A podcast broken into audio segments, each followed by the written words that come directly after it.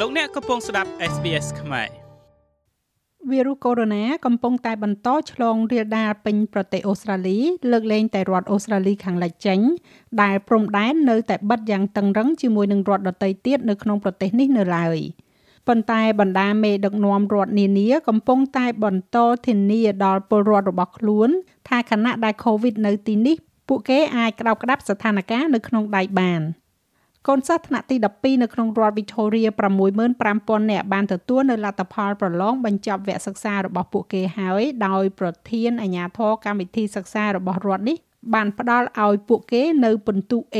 សម្រាប់ភាពអត់ធ្មត់របស់ពួកគេរដ្ឋ Victoria បានកត់ត្រានៅករណីឆ្លងថ្មីនៃ COVID-19 ចំនួន1622ករណីនិងស្លាប់9នាក់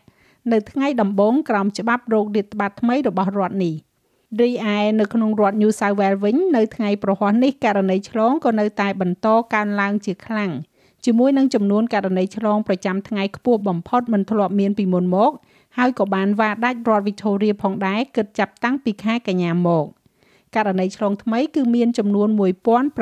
1742ករណីប៉ុន្តែមិនមានមនុស្សស្លាប់នោះទេហើយមានតែមនុស្ស26នាក់ប៉ុណ្ណោះដែលកំពុងតែស្ថិតនៅក្នុងបន្ទប់ ICU ក្នុងចំណោមអ្នកដែលសម្រាប់ព្យាបាលនៅក្នុងមន្ទីរពេទ្យចំនួន192នាក់សរុបមកទល់នឹងពេលនេះមានករណីឆ្លង COVID-19 ជាង90000ករណីហើយនៅក្នុងរដ្ឋ New South Wales ចាប់តាំងពីโรគរាតត្បាតនេះបានចាប់ផ្ដើមឡើងមក រដ្ឋមន្ត្រីក្រសួងសុខាភិបាលលោក Brett Hazard បានការពារការឆ្លើយតបរបស់រដ្ឋាភិបាលលោក ចំពោះមេរោគនេះបន្ទាប់ពីលោកបានបង្ហាញនៅគំរូដែលស្នើឡើងដែលថារដ្ឋនេះអាចនឹងឃើញមានករណីឆ្លងរហូតដល់ទៅ25,000ករណីក្នុងមួយថ្ងៃនៅចុងខែមករា The government at the moment is doing រដ្ឋាភិបាលនៅពេលនេះកំពុងធ្វើនៅអ្វីដែលយើងតែងតែធ្វើហើយនោះគឺព្យាយាមកែតម្រូវការឆ្លើយតបរបស់យើងទៅនឹងអ្វីដែលត្រូវការជាចាំបាច់យើងកំពុងធ្វើវាតាមរបៀបដែលពិចារណាយ៉ាងម៉ត់ចត់ដែលនឹងធានាថាប្រសិនបើអ្វីអ្វីផ្លាស់ប្ដូរហើយជីវិតកាន់តែលំបាកនោះយើងនឹងពិនិត្យមើលអ្វីដែលចាំបាច់ប៉ុន្តែការបិទគប់ lockdown ដាច់ខាតនឹងជាមធ្យោបាយចុងក្រោយគេបង្អស់ ហើយវាមិនមានសំបីតែនៅលើរ៉ាដានៅពេលបច្ចុប្បន្ននេះក្រសួងសុខាភិបាលរដ្ឋ New South Wales បន្តព្រួយបារម្ភអំពីការឆ្លងនៅក្នុងតំបន់ Newcastle ជាមួយនឹងករណីឆ្លងថ្មី ចំនួន633ករណីនៅទីនោះ។ការក្រើនរំលឹកមួយត្រូវបានចេញសម្រាប់សន្តាគារ Cambridge នៅ Newcastle ដោយនរណាក៏ដោយដែលបានទៅទីនោះកាលពីយប់ថ្ងៃសុក្រពីម៉ោង6:30នាទីល្ងាចដល់ម៉ោង2:30នាទីរំលងអាធ្រាត្រ បានស្នើសុំឲ្យទៅធ្វើតេស្តនិងផ្ដាច់ខ្លួនឯងចេញឆ្ងាយពីគេរដ្ឋ New South Wales មានករណីឆ្លងថ្មីនៃ variant Omicron ចំនួន12ករណីដែលសរុបមកគឺមានចំនួន122ករណីហើយ។ករណី COVID-19 នៅតែបន្តកើនឡើងនៅក្នុងរដ្ឋ Queensland ផងដែរដោយសារតែរដ្ឋនេះបន្តបើកចំហព្រំដែនរបស់ខ្លួន មានករណីឆ្លងថ្មីចំនួន22ករណី ដែលក្នុងនោះ18ករណីបានស្ថិតនៅក្នុងសហគមន៍ខណៈដែលឆ្លងខ្លះគឺរហូតដល់ទៅ7ថ្ងៃរដ្ឋ Queensland បានចេញនៅលិខិតអនុញ្ញាតឲ្យឆ្លងដែនចំនួន61000ច្បាប់ចាប់តាំងពីបានបើកឡើងវិញកាលពីថ្ងៃច័ន្ទរដ្ឋមន្ត្រីក្រសួងសុខាភិបាលនៃរដ្ឋនេះលោកស្រីអ៊ីវេដាតមានប្រសាសន៍ថា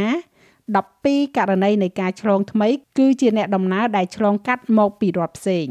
with all of these people coming from ជាមួយនឹងមនុស្សទាំងអស់នេះដែលចូលមកពីរដ្ឋផ្សេងយើងអាចរំពឹងថាមានករណីឆ្លងកាន់តែច្រើន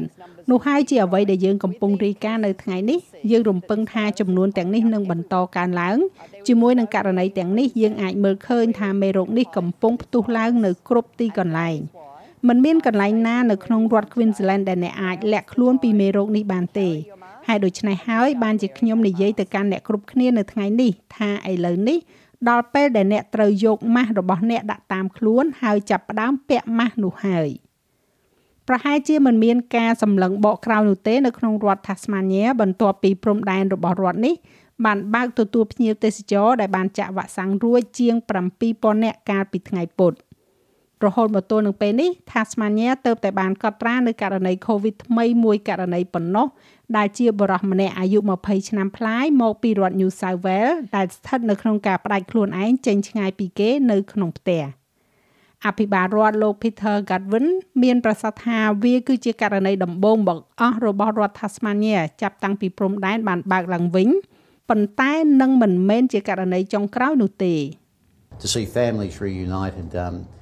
ការដែលអាចមើលឃើញក្រុមគ្រួសារបានជួបជុំគ្នាឡើងវិញក្នុងករណីខ្លះបន្ទាប់ពីបែកគ្នាអស់ជាច្រើនឆ្នាំនោះគឺពិតជាគួរឲ្យរំភើបខ្លាំងណាស់ ហើយនិយាយដោយត្រង់ទៅខ្ញុំមានអារម្មណ៍ថាវាជាការបង្ហាញពីតម្រូវការពិតប្រាកដដើម្បីធានាថា យើងធ្វើអ្វីដែលយើងអាចធ្វើបានដោយដែលយើងឆ្ពោះទៅមុខទាំងការរក្សាសវត្ថិភាពដល់អ្នកស្រុក Tasmania និងទាំងការធានាថាយើងបន្តផ្ដល់នូវលទ្ធភាពឲ្យមនុស្សម្នាអាចជួបជុំគ្នាវិញបានផងដែរ នៅឯរដ្ឋផ្សេងផ្សេងទៀតក៏មានការឆ្លង COVID-19 ថ្មីផងដែរគឺចំនួន24ករណីនៅក្នុងរដ្ឋអូស្ត្រាលីខាងត្បូង ហើយនៅ ACT គឺមានចំនួន11ករណីនិងនៅដែនដីភាគខាងជើង មានតែមួយករណីប៉ុណ្ណោះដែលជាអ្នកធ្វើដំណើរអន្តរជាតិដែលវិលត្រឡប់មកផ្ទះវិញ។ ចាស់ហើយរបាយការណ៍នេះគឺចងក្រងឡើងដោយ Claire Slattery សម្រាប់ SBS News ហើយប្រាយសម្រួលសម្រាប់ការផ្សាយរបស់ SBS ខ្មែរដោយនាងខ្ញុំហៃសុផារ៉ានីចូលចិត្តអ្វីដែលអ្នកស្ដាប់នេះទេ Subscribe SBS ខ្មែរនៅលើ Podcast Player ដែលលោកអ្នកចូលចិត្ត